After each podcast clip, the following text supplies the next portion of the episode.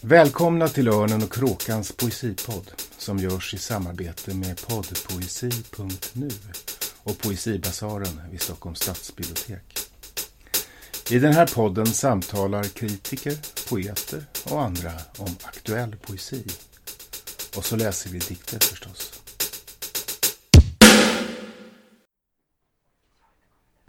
Välkomna! Vi sitter i Poesibasaren, eh, Stockholms stadsbibliotek. Idag när vi spelar in är det den 17 maj. Jag heter Magnus William Olsson och här invid mig sitter du, Tore Jansson. Ja, det stämmer. Välkommen hit. Du är ju eh, författare eh, till flera kulturhistoriska verk, inte minst. Och så är du språkvetare. Professor emeritus egentligen i afrikanska språk. va? Ja, det stämmer. Precis. Men från början klassiker. Eh, Ja, och- eh, latin var det jag sysslade med större delen av min precis. aktiva tid som heter. Precis. Och invid dig sitter Gunnar Harding, poet, översättare, kritiker, redaktör, poesihistoriker och en person som under typ 70, 80, 90, ja, 50 år. 50 år har danat det svenska poesilandskapet och som har betytt enormt mycket förstås. Men alltid vill jag säga, med alla dina aktiviteter i, i hela det, det centrum utgår ju absolut från din egen diktning och den, din poetiska sensibilitet som det kommer till uttryck i din egen poesi. Det, det är viktigt att, att säga, att, eh, därför att det är så uppenbart för de som eh, överblicka Gunnars gärning. Eh, och vi har samlats här för att tala om en bok som ni har översatt tillsammans, nämligen Horatius Plocka din dag, Oden i urval. Eh, jag skulle vilja att vi först bara för, för lyssnarna som inte är här eh, försökte oss på att lite beskriva den här boken. Det är, en, det är en rent fysisk, det är en liten det är en grön bok. Det är, det är, ett, det är en mål. Den är inte så stor och tjock. Det är en, eh, en målning från Pompeji. Davia, Mm. Just det. utanför Pompeji. Utanför Pompeji som föreställer. Ja, en eh, kvinna, ung kvinna som plockar en blomma just. Eh, det brukar kallas floraren där men det är ju ingen människa som vet. Det är bara en liten målning som eh, satt på en vägg när Vesuvius utbröt och sen så satt den där till dess att den blev upphittad. Och nu har Gunnar och jag har sett den i Neapel. På museet Ah. där. Och det är ju då, det, den eh, illustrerar ju denna titel som vi kanske ska ta den på en gång. Plocka din dag, för det, det refererar ju till den allra mest kända frasen av Horatius, eller hur? Carpe diem. Ja, Mhm. Precis. och vi visste ju. Vi satt på Capri och gjorde färdig den här boken och eh, då diskuterade vi titeln. Carpe diem var så lite tråkigt att fånga dagen. Det står ju i varannan dödsannons och, och numera till och med, har jag förstått, på tatueringar. Har vanligt begrepp. Men eh, det, eh, och då diskuterade vi med de andra stipendiaterna där och det var studenter och all- inga var ju klassiker. Ja. Men, eh, och då sa vi att egentligen, eller sa Tora, det egentligen betyder det plocka Mm. din dag. Men det, och då sa men skriv det, ropade de. Och då, då började vi tänka att det kanske vi ska Ja. göra. Och jag som suttit i Bibelkommissionen var ju van vid det där att det, det är roligt att översätta vad som står och inte att det var bättre förr som alla säger i allmän. Jag, jag tycker det var ganska roligt att busa lite också. Med, fast det står ju, Mm. jag slog upp i Löbs Classical där det står latinet till vänster och ordagrann översättning till höger. Där står det ju pluck the day. Och på engelska står det ju Poeterna skriver seize the day. Man kan ju skriva det man vill men, men eh, eh, Horatius när han skrev Carpe Diem så var det nog så att folk lyfte på ögonbryna för det hade nog ingen hört förut. Alltså att plocka dag, vad betyder det? Eh, Men sen har det ju i senare latin blivit en sån där eh, nersliten fras. Men, Mm. men när han uppfann den så var den helt fräsch. Och sen är det, tillägget är ju helt enkelt eh, eh, pronominat. Ja. din, som ju är, och är genialt tycker jag. Därför, det, också därför att det korresponderar med, vad ska vi säga, det, det epikureiska i, i Horatius. Detta att du har ett liv, eh, ta det. Mm. Ta, eh, lev det i någon mening. Det, det tycker jag är väldigt fint. Det för in på ett annat problem, det där just att, att det är sån bunden rytm i de här och vi har ju försökt bevara den. Just det. Samtidigt som vi försöker, i alla fall idealet är att det ska låta som riktigt normal svensk poesi. Ja. Så plocka din dag, det är en korjam som heter. Tam, ta, ta, tam. Eh, och det är mm, liksom en grundläggande rytm som kommer igen i en, ett antal av de här konstiga versmåtten som Horatius har. Och carpe diem är den rytmen också. Det ska vi, jag, ska åter, jag vill gärna prata mer om, om det rytmiska. Där. Men jag tänkte att vi först ska säga någonting om oderna. Alltså både om, först kanske om urvalet. Horatius publicerade ju under, eh, det publicerades, den sista eh, eh, boken kom väl efter hans död, men det var fyra böcker med Ode, Men han publicerar ju också andra genrer, satirer och epistlar och så. Eh, men ni har valt oderna och ni har valt ibland oderna. Eh, och hur har ni tänkt där? Ja, har vi tänkt. Ja, och tänkt och tänkt, men jag har väl eh, liksom letat efter sådana som poetiskt har tilltalat mig. Men samtidigt har vi väl i viss mån försökt representera de olika stilarna, men vi har legat lite lägre på just det, de här eh, pampiga eh, politiska sakerna när han eh, hyllar kejsaren och sånt. Ja, det, Och kriget. Den. Ja, det är klart det är eh, ett urval som visar vad vi gillar hos Horatius. Det finns saker som eh, är svåruthärdliga med den mannen tycker jag, men det finns väldigt mycket som är bra. Så då har vi tagit det bra. Och ska vi säga någonting också om, om genren, om oden? Det, ode är ju ett grekiskt ord som egentligen betyder sång. Eh, men vad, är, vad var på Horatius tid, vad var ett ode? Ja. Carmina heter de väl på latin? Ja. inte? ja. Eh, han använder inte ordet faktiskt som jag kan minnas, jag tror inte det. Eh, utan det har nog kommit in eh, via senare litteraturvetare, möjligen litteraturvetare i antiken redan för det fanns Mm. en hel del. Men, men han säger sånger och Mm. eh, Carmina som du sa, det är eh, titeln på dem. Mm. Eh, och eh, eh, det var inte någon vanlig titel då i latin. Det, men eh, det, det markerar ju just att eh, det här egentligen är eh, någonting som borde sjungas. Samtidigt så är det uppenbart att eh, han sjöng dem aldrig och inte någon annan heller utan de deklamerade dem.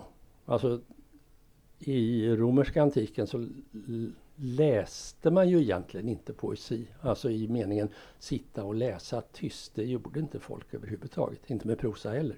Utan man läste högt och eh, deklamerade. Och de här var väl sådana att de kunde tänkas ha varit sånger då.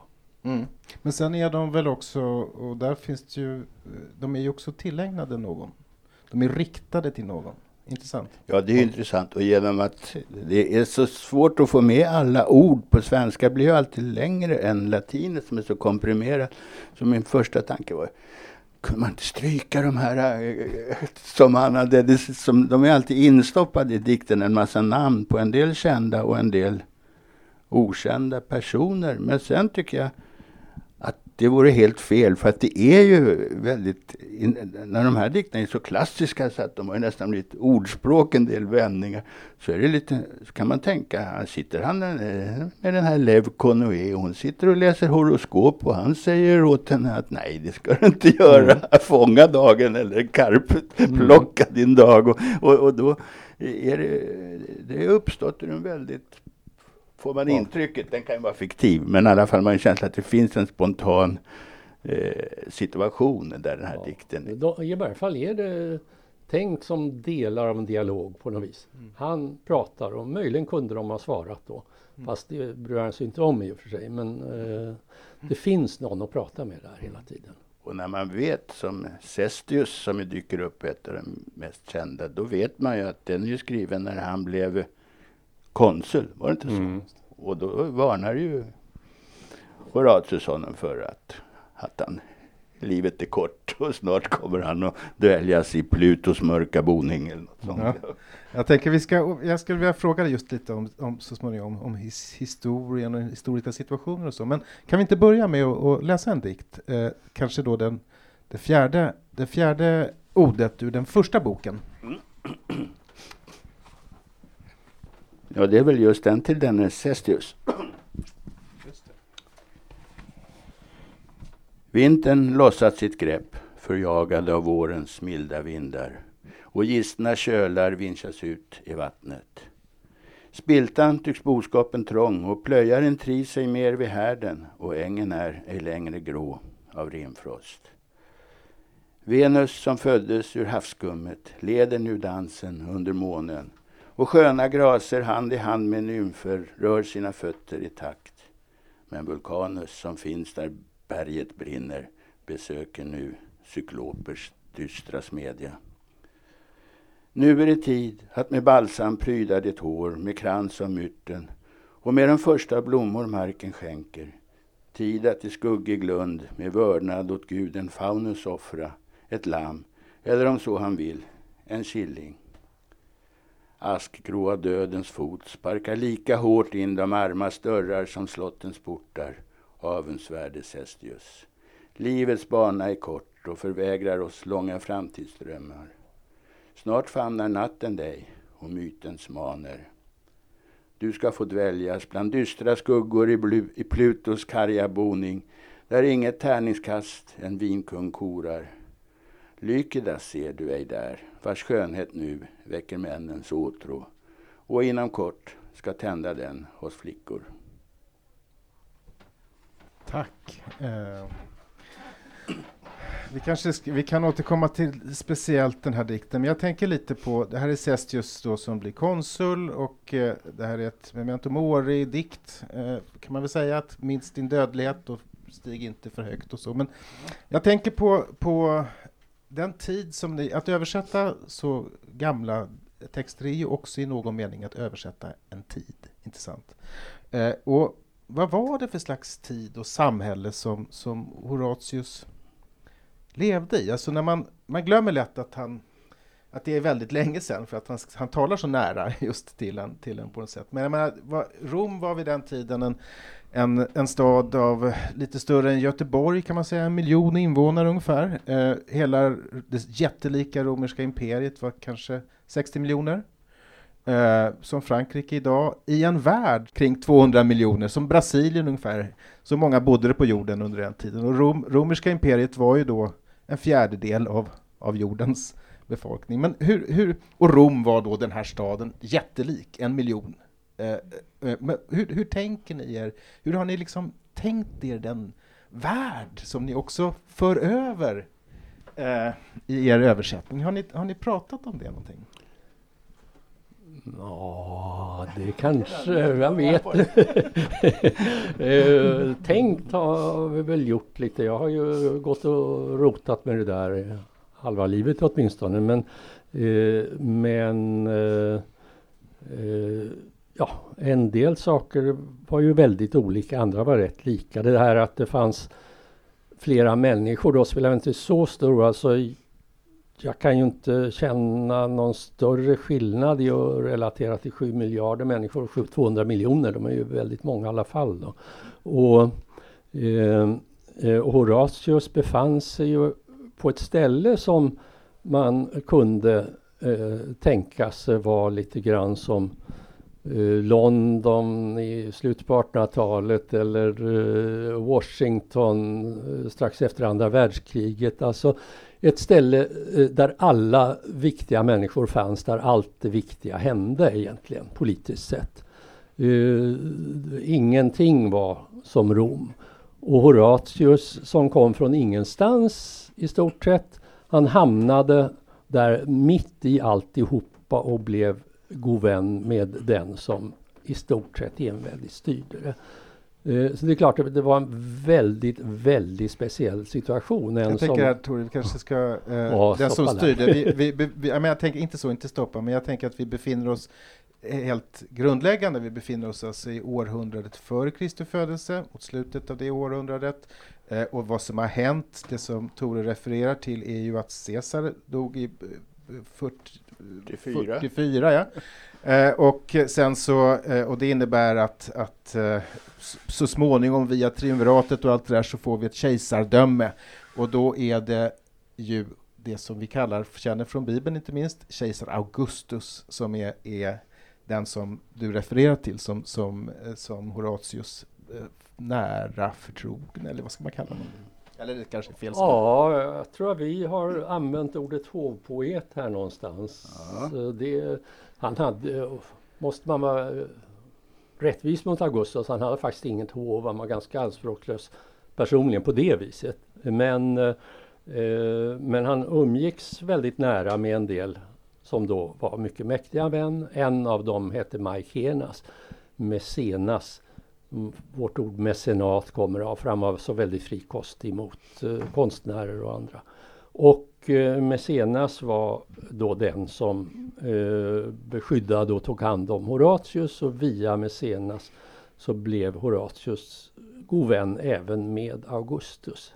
De var rätt jämnåriga de där tre männen. Augustus är ett problem för, den, för läsaren tror jag genom att ibland kallas han Caesar samtidigt som ja. den riktige Caesar också kallas ja. Caesar. Ja. Minns mordet på Caesar skrev han någonstans. Ja. Och samtidigt så tilltalar han då Augustus som Caesar och som Octavianus är han ju också.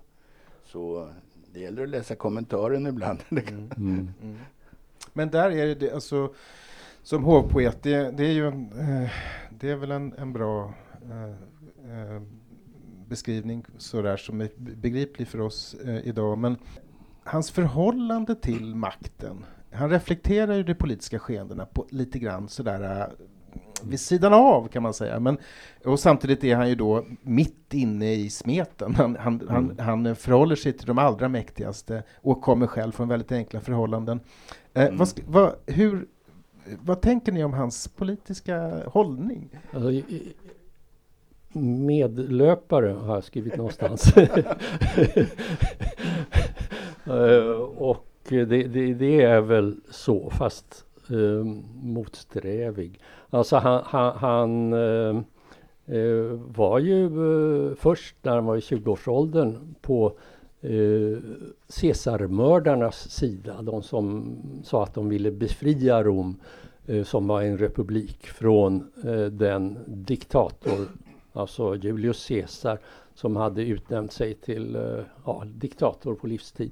Ehm, så blev han mördad och mördarna eh, eh kom snart i strid med eh, Caesars arvingar varibland då denna Octavianus var den viktigaste. Och Horatius värvades i Caesarmördarnas här av Brutus ehm, och stred där. Men eh, Brutus förlorade och Horatius eh, flydde ur hären. Och ehm, sen vet man inte mycket om vad som hände ett par år eh, efter det men så dök Horatius upp i Rom som fri poet. Och så med tiden så blir han väldigt god vän med Octavianus då. Sen har vi ju bara hans egna ord på det här hur han flydde. Jag tänkte om han stod, han var ju faktiskt ledde en legion. Om man tänker här en 22-årig ja. filosofistudent som leder en legion. Som hur många var det? 6 000 man ungefär. av krigsveteraner. Ja. Mot den blivande kejsar Augustus. Mm. Och sen skriver han att han kastade skölden och flydde. Men det var ju skrivet sen han blev hovpoet. Ja, så ja, man tänkte att om han verkligen kämpat som en tiger för republikens idéer så hade han väl legat lite lågt med det i alla fall. Plus att den där kastade skölden där finns i minst tre olika grekiska poeters dikter som en kliché för uh, hur man jag tänker, eh, eh, och så förhåller han sig ju till imperiet, också till historien. Alltså, jag, tänker på, jag tänkte, skulle du inte kunna läsa det 22 ordet i första boken som, eh, som nämner till exempel en massa orter, både historiska och faktiska. Ja, mycket intressant. Den vars liv är rent, ej av brott besudlat, har i bruk för måriska spjut och bågar, eller att med giftiga pilar fuskus fylla sitt koger.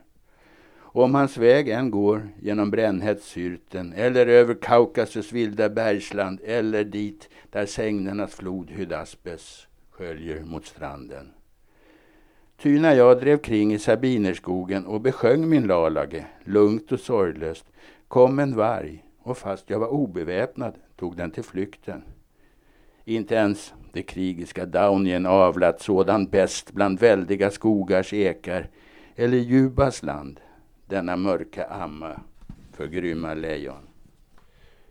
Tag mig dit där aldrig på frusna slätter sommarvinden drar genom trädens grönska till de trakter Jupiter tynger ner med mörker och dimma. Tag mig dit där solvagnen allt för nära marken far så att ingen där kan vistas.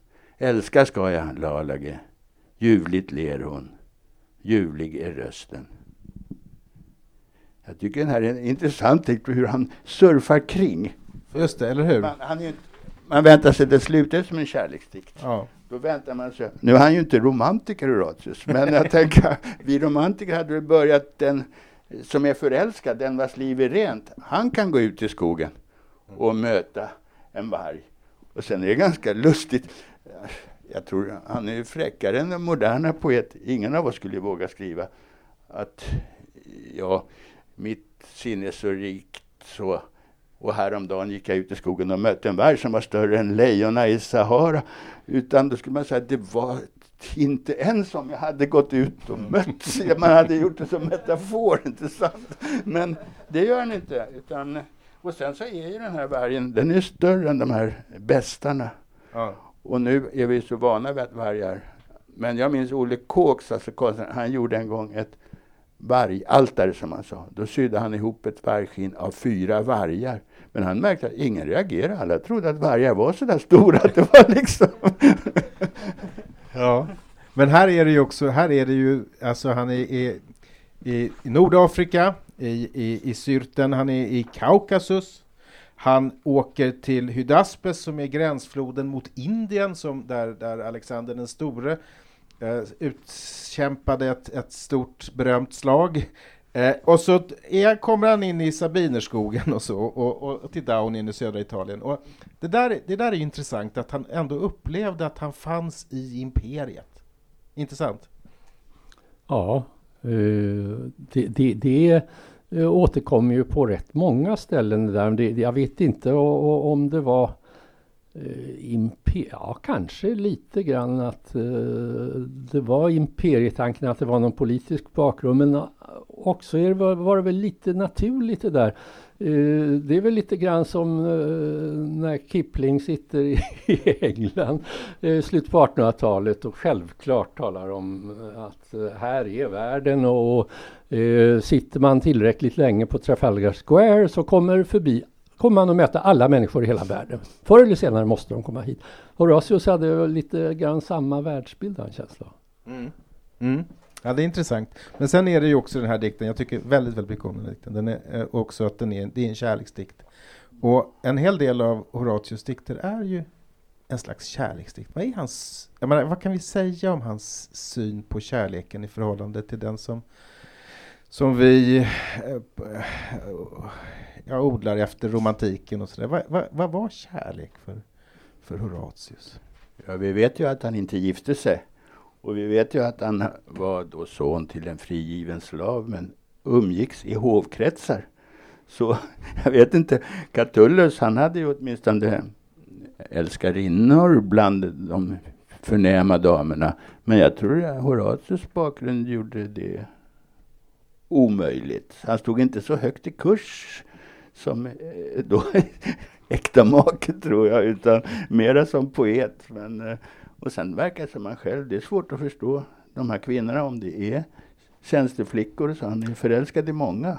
Ja, eh, om man ser på det där så dyker det ju upp. Alla, alla dikter har ju alltså någon som de är riktad till och kärleksdikterna också.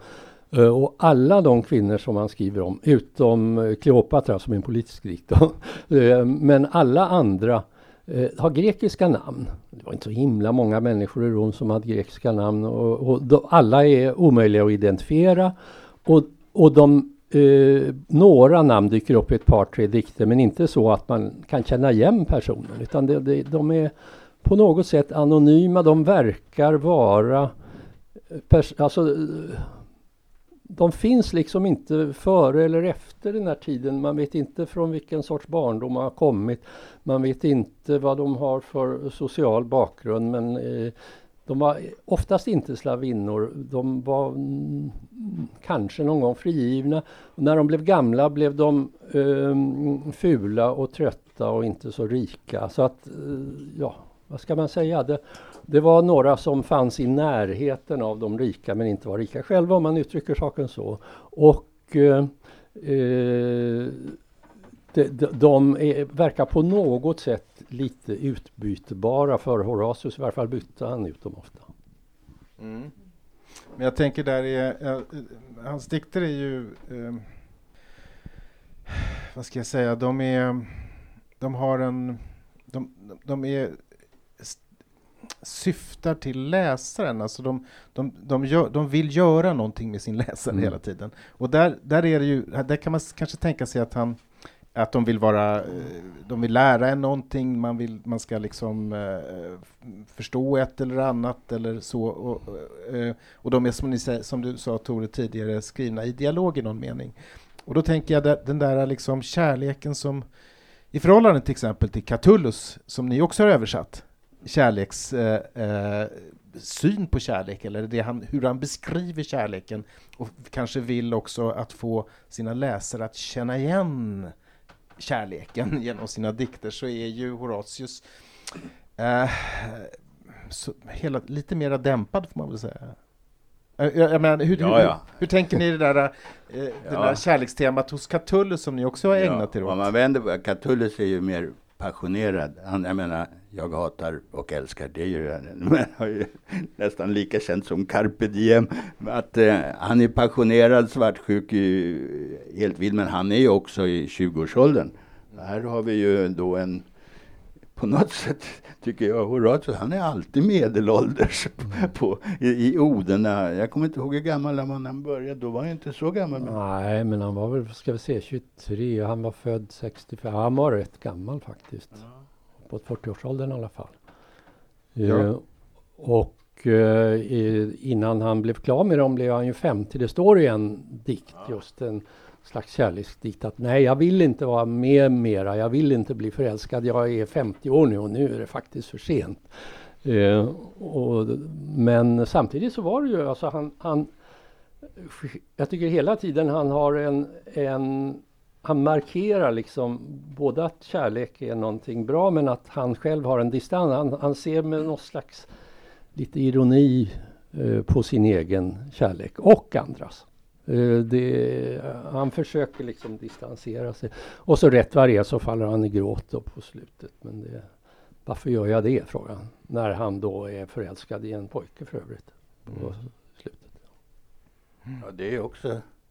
Det, det gäller ju Catullus också, men att eh, jag läste någonstans att ett ord som bisexualitet skulle ingen förstå på Forum Romanum utan antingen var man sexuell eller annars var man inte det. Men det, var, det fanns eh, inte någon sån uppdelning utan det är väl en modern sak.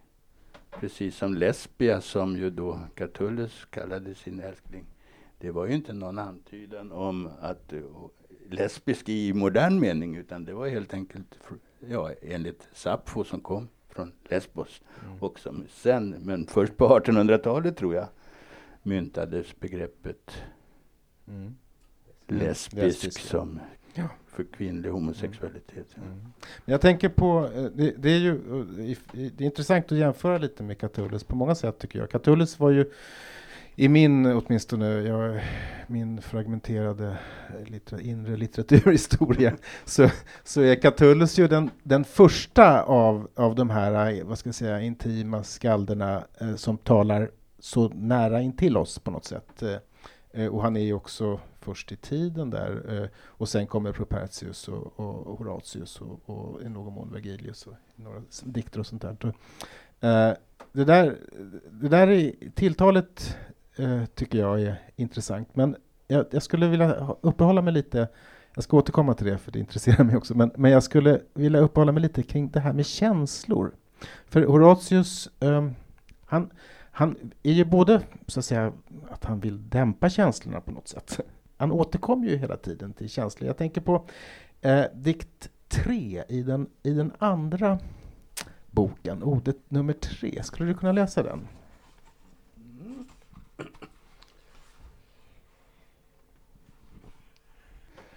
Bevara sinnet lugnt när ditt liv är svårt. Men kom ihåg att likaså avstå från omåttlig glädje när du lyckas. Delius, du ska bli dödens byte om du så lever sorgsen i all din tid. Eller kan unna dig ett falernervin ur källardjupet när du vilar helgdagen lång i en enslig glänta. Varför vill pinjen fläta sitt grenverk med den ljuva poppen tätt till ett skuggrikt hägn? Och varför pålar bäcken ivrigt, forsande fram i sin krökta fåra? Bär hit parfym och vin och ett rikligt fång av vackra rosor som blommar allt för kort. Tid finns det ännu innan ödets svarta gudinnor skär av din livstråd. Du skall gå bort från gårdar och hus du köpt och villan invid den gula Tibens strand. Du skall gå bort och allt du samlat kommer en arvinge snart till godo. Om du är rik med anor från Inakos eller en fattiglapp utan hem och släkt, det kvittar lika. Du blir ändå offer för obarmhärtiga döden. Mm. Han måste ha plågat sina vänner med varje gång de verkade må bra så kom han tala om att de skulle dö snart. ja, ja, men det där är en, det är ju en, där är ju, på ett sätt är han ju, vad ska vi säga, ibland lite dyster kanske. och undervisande, alltså nu, om vi som moderna poeter, det är ingen som tror att vi ska tala om för dem hur de ska leva sina liv. Men eh, Horatius han gör ju det hela tiden utan att oombedd. ja. han, han eh, var ju också eh, Epikuré, alltså han, han, var intresserad av eh, filosofi som inkluderade då moralfilosofi och så där. Han följde Epikuros som, eh, som ansåg att eh, eh den högsta, eh, det man ska sträva mot är att eh, eh, ha glädjen i livet fast det har missuppfattats ofta då. Och, och, och Epikuros var ju också strängt naturvetenskaplig och tyckte bara att det där med gudar och sånt var vidskepelse och när man dör så dör man och man är borta och så vidare. Det, det kommer ju igen i Horatius hela tiden. Eh, så att, jo, han, han, han på ett sätt så predikade han nog lite grann om mm. hur man bör göra, man bör mm. leva.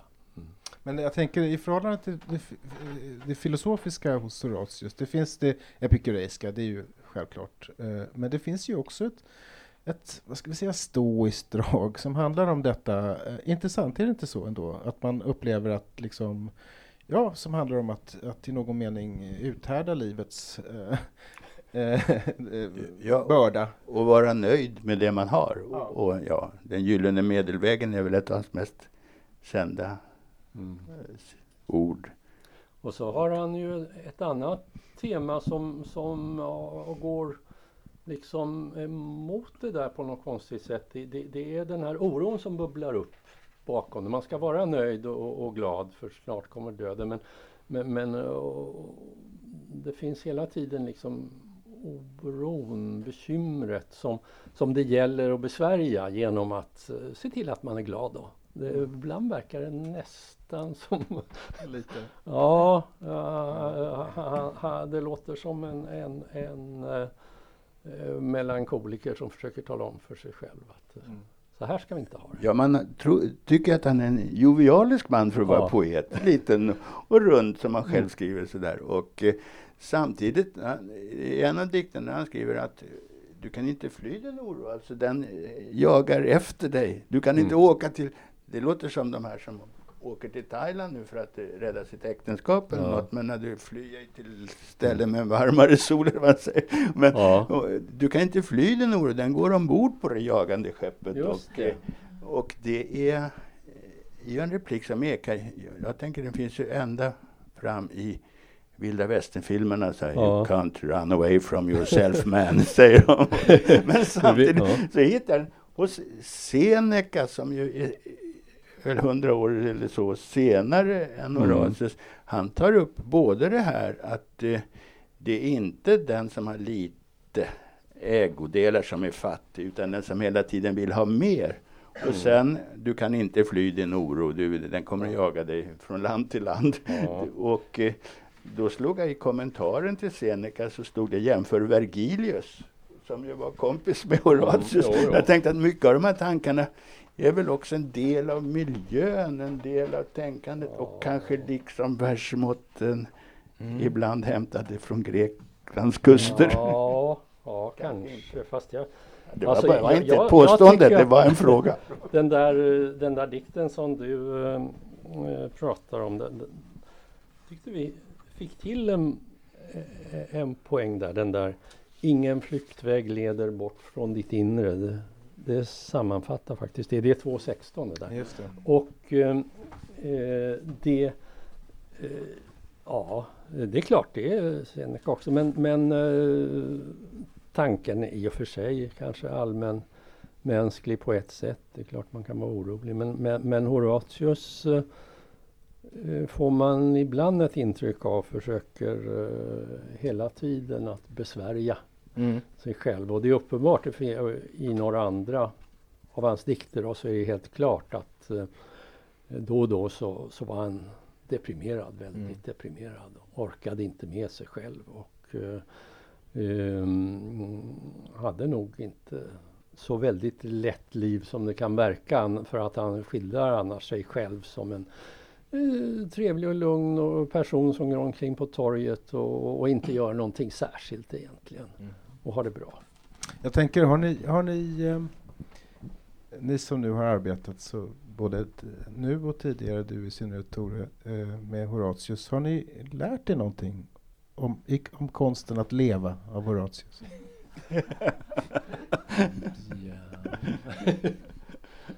Det kanske är lite väl mycket begärt. Det kanske är Ja, som men han jag sa, vill det- han vill ju uppenbarligen det. Inte det, alltså det inte det som jag sa, någon väntar sig att vi ska lära ut. Dessutom är det väl inte heller riktigt vad jag försöker, tror att jag kan lära mig av poesin. Just det livsvisdom kanske mer indirekt jag att det betytt mycket men det är svårt att säga. Men det är nog mera det här sättet hur han lyckas koncentrera dikterna och ändå hålla tanken den flödar ju över från strof till Mm. strof ofta och, och eh, vänder ibland och väldigt konkreta bilder och sånt där har nog som poet betytt mycket mer för mig. Mm. Oron fladdrar kring i maket under takets paneler. Det, det kan man väl se på krogar. och.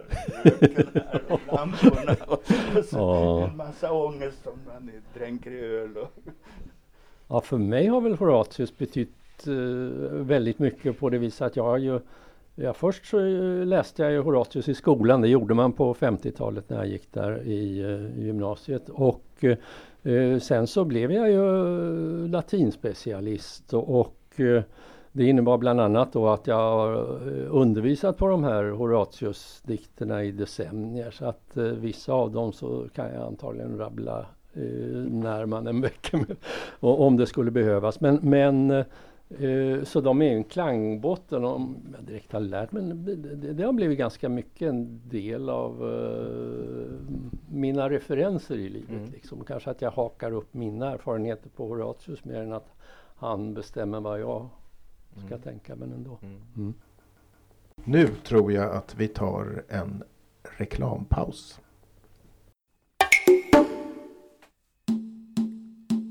Reklam. Träden hostar frosten. Fågelflockarna virvlar i magnetfälten. På poddpoesi.nu läser de främsta svenska poeterna själva sina dikter. Lyssna i sängen, på väg till jobbet, på festen. Gör en lista och sänd den till någon via Facebook eller Twitter. Använd i undervisningen, streamat, Gratis. poddpoesi.nu هذه الخدود التي تسكن جلدها Det är alltid något هي طرقاتها ofullkomligt. المتشابكة بعناية لا إلهية Jag tänker, eh, den här dikten som vi läste nu, det- som du läste hela dikten Gunnar, den tredje eh, ordet i den andra boken, den är ju skriven på alkaiskt meter. Eh, och jag tänkte vi kanske ska komma in lite på detta med rytmen och metern och kanske ska vi få höra, kan, kunna få höra lite latin också, Tore, att du skulle Mm. lä- vilja läsa någonting. Det här är Ja, det som varit svårast för mig genom att Catullus han körde ju mest på elegististikon, en hektameter, en pentameter.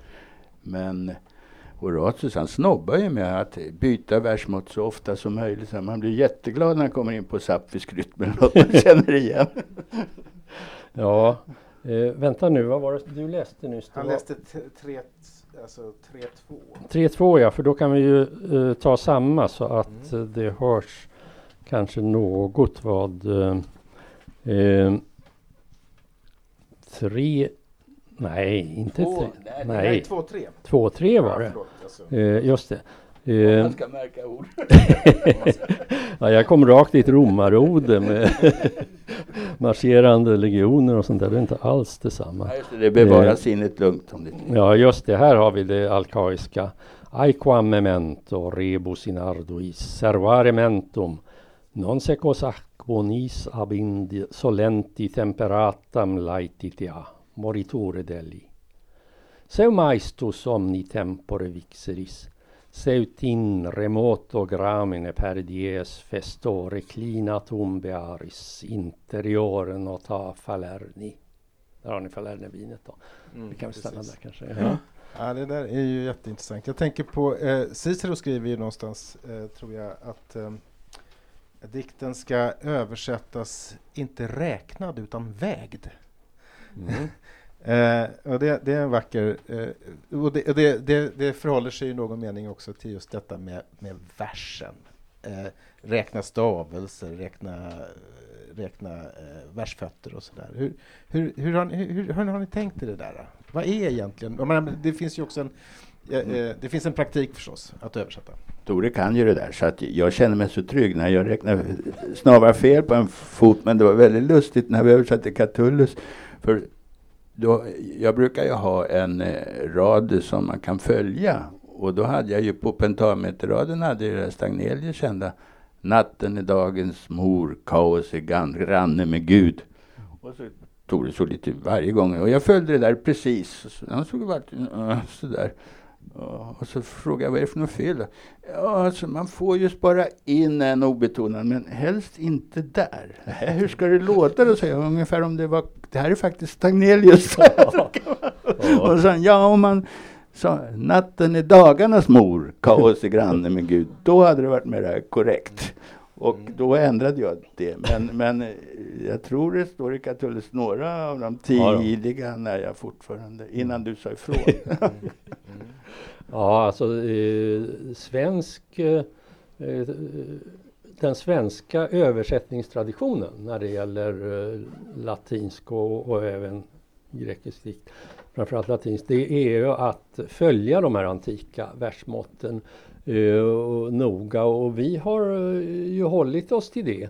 Eh, och jag vet inte, men eh, Gunnar brukar påstå att eh, det är nyttigt för man har sån disciplin som poet Ja, ett, ett, måste- ett är omöjligt för mig och det är just det här som den här carpe diem står i. Det är det Ja. inte. Ja, det, ja, ja, det är den här... Eh, Jag vet inte hur många stavelser det är, eh, den, den låter alltså eh, på... låt- Eh, jag, jag kan ju försöka eh, skandera det. 1.11 är det va? 1.11 ja. Det är den eh, som innehåller carpe diem. Eh, alltså tone quaesi ris, skirene fas, quem mihi quem tibi. Det ska vara en rad. Aitas eh, sista, eh, ja vi kan ju ta de sista två verserna. Mm.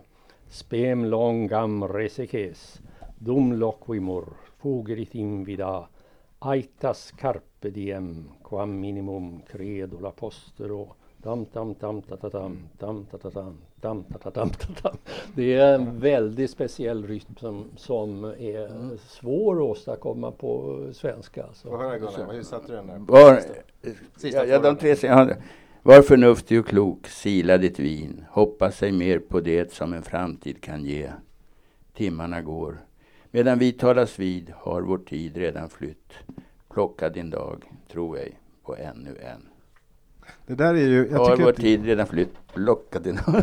Ja, det, det, det, finns ju någonting väldigt, det här med räknat och vägt, som, är, eh, som har att göra med att här plockar Horatius upp ett många hundra år tidigare grekiskt versmått från den, den grekiska poeten på Alkaios, eh, som han gör med Sappho, eh, som är tillkommet, eh, på den tiden så sjöngs ju dikterna. Det, det, den, eh, versen är väldigt förbunden med det performativa, med framförandet eh, i någon mening. Och så plockar han över det till en, ett, ändå ett så att säga, skriftspråkligt, muntligt tänkande eh, själv. Och sen så ska vi då, eller ska ni då, föra den där, eh, göra den nästa stora eh, eh tidsliga översättning i den där. Eh, jag tänker, vi vet ju ingenting om hur latinet lät egentligen. Ja, i någon mening lite grann, men, men det, det, är ändå rätt stor vissa chans. Vissa vet mer än andra. Ja, vissa vet avgjort mer än andra, det, det men det är ändå liksom, hur, vad var egentligen, jag menar Gunnar, du är ju gammal jazztrummis, alltså och, och, man kan spela Roundabout Midnight på jävligt många sätt. Eh, sådär, mm. i olika tempi, i olika, ja. med olika betoningar. Ja. Vad var egentligen en vers eh, för Horatius?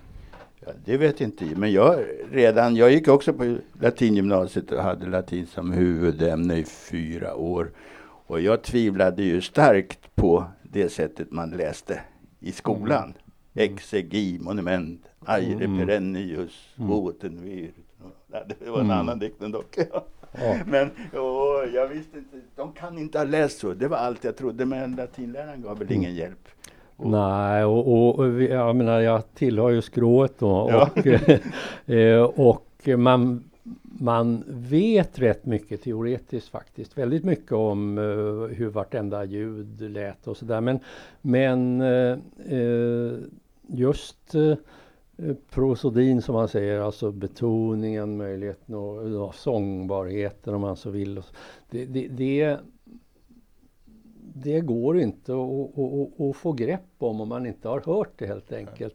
Uh, och uh, där finns det en massa idéer. En sak som är helt klar det är att det finns en rent språklig skillnad mellan svenska och latin som gäller prosodin och det är det att Eh, i svensk, eh, alltså rytmer i, i språk, det, de, de uppstår ju eh, i, av stavelser så att säga. Stavelser är i alla språk väldigt väsentliga i alla fall. Och i svenskan har man betonade stavelser och obetonade stavelser, två sorter. och så kan man få rytmer genom att växla med dem där på olika sätt. Och det är vad vi gör när vi översätter till exempel vad romarna gjorde, det var att växla mellan långa stavelser och korta stavelser, eh, vilket är en annan distinktion lite grann. Eh, och eh, i eh, latinet så är inte en lång stavelse nödvändigtvis betonad utan det kan vara en kort som är betonad i ett ord eh, mycket väl.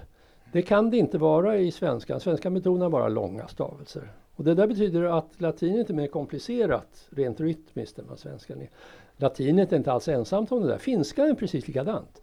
Finska eh, accenter är inte styrda av eh, längd på stavelser utan de kan ha långa och korta, betonade och obetonade, fritt varierande. Kommer de närmare då? Ja, de har mycket, latinöversättningar? Förmodligen, ja, översätt, alltså, översättningarna är en sak men de, de, de, har förmodligen större möjligheter att läsa det obehind, ja, liksom, eh, utan tvång än vad vi har. Därför att när vi får fram den här rytmen, du och jag och andra som läser det högt, så kan vi inte låta bli att göra så att vi förlänger de stavelser som liksom ska vara mm. tunga.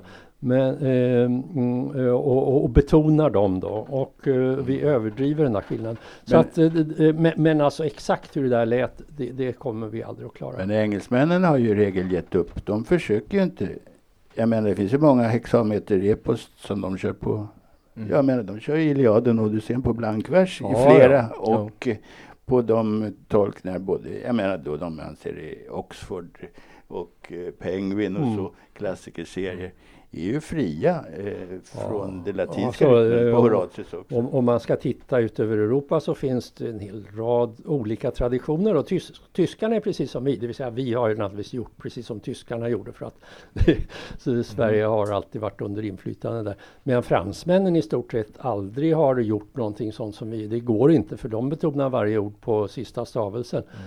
Det, det, går inte alls ihop eh, utan de kör helt andra varianter, räknar stavelser till exempel. Men jag tänker där att det är ju, man ska, som du nämnde Tore, så är ju eh, eh, det, man läste inte tyst eh, under antiken. Och eh, långt, långt, långt, långt senare. Det, var, det är mycket nyligt att vi läser tyst på det hela taget. Och, och, där finns det ju ett performativt moment. Det finns ett, äh, metriken är också ett, partitur. Det ska tolkas på något mm. sätt. Eh, och så är det ju också. Det jag tycker är, är så otroligt eh, lyckligt med er och så fantastiskt med er översättning, det är just att de är att de eh, dikterna också har så att säga, en rytmisk gestalt i sig själva. De är precis som man kan, de, de är ett sätt att lira roundabout midnight, så att säga.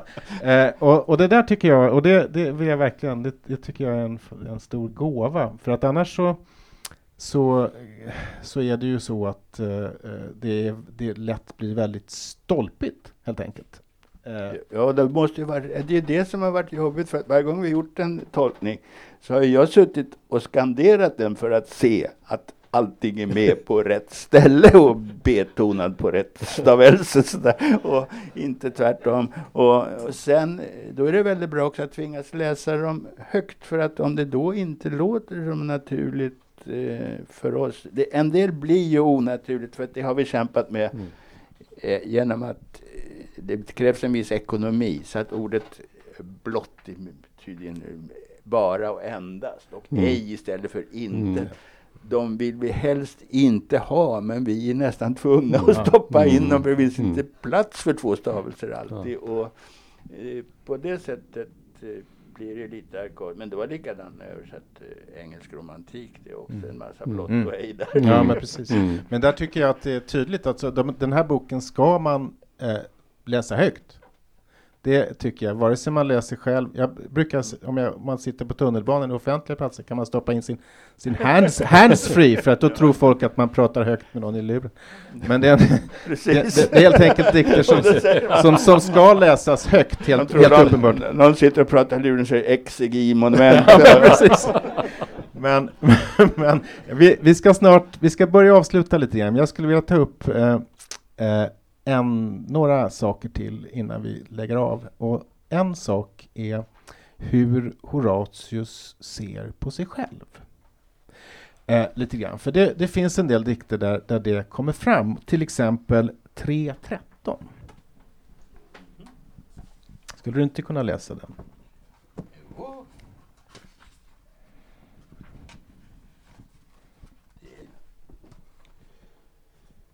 Klara Bandusia, glittrande likt kristall. Källa, ett offer värd, blommor och utsökt vin. Du skall skänkas en killing som nyss fått sina första horn, redo att söka strid, redo för parningslek, men förgäves. Den ska färga dig med sitt blod när den offras imorgon, ungdjuret från en lekfull flock. Hettans brännande luft kan inte röra dig ens i hundstjärnans tid. Svalka ger det åt djur, oxar trötta av plogen, jord av strövande kreatur. Du blir vida berömd när jag besjunger dig, källa som pålar fram under en åldrig ek, ut ur rundade klippblock, skuggade av dess täta löv. Det jag tänker på här är, eh, det här är ju inte ett självporträtt på något sätt, men det är en, eh, och det är en trop i, i um, klassisk poesi, ända sedan den grekiska antiken, detta att tänka sig att ens dikt eh, är en slags minnesgrav. Man, man lägger ner, man, man, man, den som hamnar där i ska bevaras för evigheten. Eh, och säger det här någonting när han skriver så här, du blir vida berömd när jag besjunger dig. Han är ju inte fri från mm. eget beröm när, när han talar om sig själv som poet, fast han hela tiden predikar måttfullhet och så.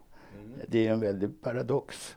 Men samtidigt som Tor har påpekat det ju när han säger att min dikt ska vara lika länge som det romerska imperiet så visar det sig att den har varit flera tusen år längre än den. Så mm. han har ju inte överdrivit sin betydelse. Ja. Nej, men... men... där ser han ju, ja, men Sapfo har en rad som säger Jag säger dig, man ska minnas oss i framtiden. Mm. Eh, och, och det finns ju det där momentet, varje gång man läser, läser den här raden så bekräftar man ju dess mm. utsaga ja. i någon mening. Mm. Och den, den finns ju, den här figuren finns ju som du säger hos... Eh, ja, och den är ju, eh, ja Horatius har en annan, eh, ett annat sånt här ställe där det står att det fanns många eh, som levde före Trojas fall och som var lika tappra som Achilles och sånt där. Men det var, fanns ingen som besjöng dem. Det är ju den traditionella, mm, liksom mm, klassiska mm. idén. Att det, men, men, det är inte bara det, tror jag, lite grann är det väl faktiskt om man ska nu göra en sån här social tolkning att här har vi den här personen som är eh, son av en slav uppväxt i en liten håla i Syditalien. Absolut ingen, nobody som kommer oerhört högt och har nog fortfarande ett litet behov av liksom att uh, markera att han är någonting alldeles speciellt för sig själv, liksom inte på grund av sin börd eller någonting annat än det är faktiskt jag som har gjort det här och jag kommer att leva.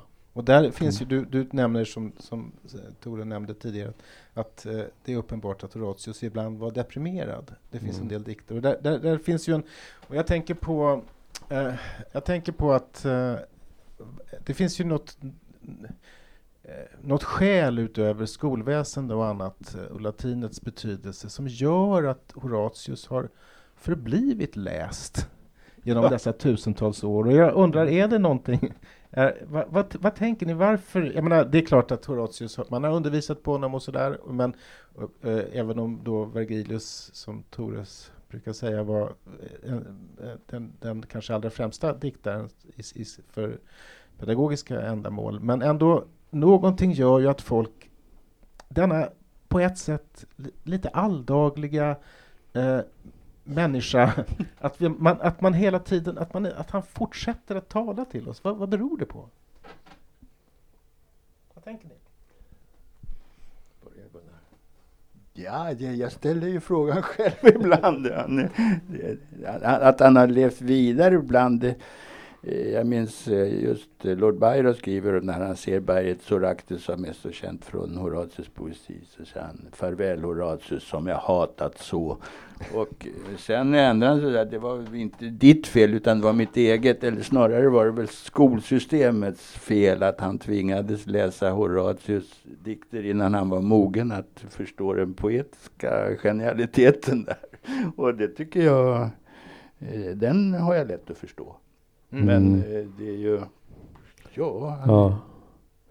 Men är han inte allra bäst för poeter? Jag vet inte. Men han, han är så otroligt uh, bra liksom rent yrkesmässigt. Mm. All, allting blir rätt och, mm. och, och, och Um, och, och, och um, det han säger blir sånt så att folk fångar upp det och har det i öronen och det kommer aldrig Det gäller väl all bort. poesi med ja. lite klassisk status, att man har en känsla att den ska vara lite dammig. Och när man jobbar med det märker man det här är en kille med humor och han uh, går ja. runt här bland marknadsstånden och sen går han hem och äter plättar. Ja, ja just det. Alltså det, det, det, finns en urgammal essä av Emil Siliaco som någon minns honom som heter Vibrasan med Horatius. Det var jättelänge sedan jag läste den där men, men det är lite med det. Man, man, man kan sitta där vid brasan och känna sig mm, liksom som uh,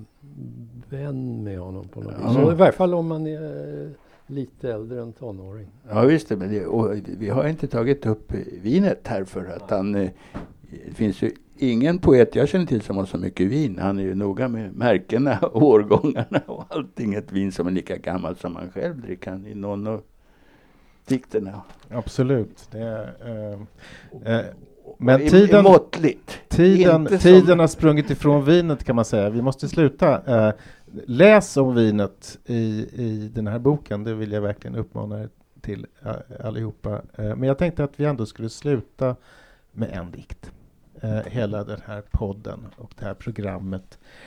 Och jag föreslår 2.20. Det är en självkaraktäristik kan man kanske säga. Som... Ja, ja, ja. ja, ja.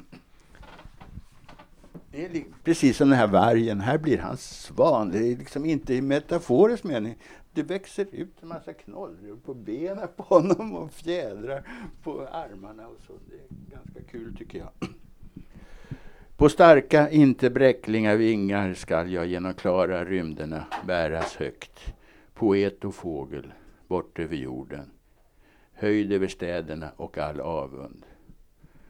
Och jag som fötts som enkla föräldrars son, men blev Mecenas hälsad av dig som vän skall ej behöva möta döden och av den nattsvarta styx bli fångad. Nu när jag talar hårdnar ett skrovligt skinn kring mina vader och jag förvandlas till en snövit fågel. Fjäderdräkten växer från fingrarna upp till skuldran. Snart, mera ryktbar än Daidalos son, skall jag få färdas lik en sjungande svan bort till Bosporens stränder, Syrten och till tundrorna långt bortom nordanvinden. Jag ska bli känd av Kolchen och Daken som har dolt sin skräck för romerska truppers makt. Iberer och det folk som dricker vatten ur rån skall mitt verk beundra. Låt inte klagosånger och pinsam gråt på min begravning ljuda. Min grav är tom. Håll inne med all ganglös jämmer. Glöm alla tomma begravningsriter. Tack ska ni ha. Tack.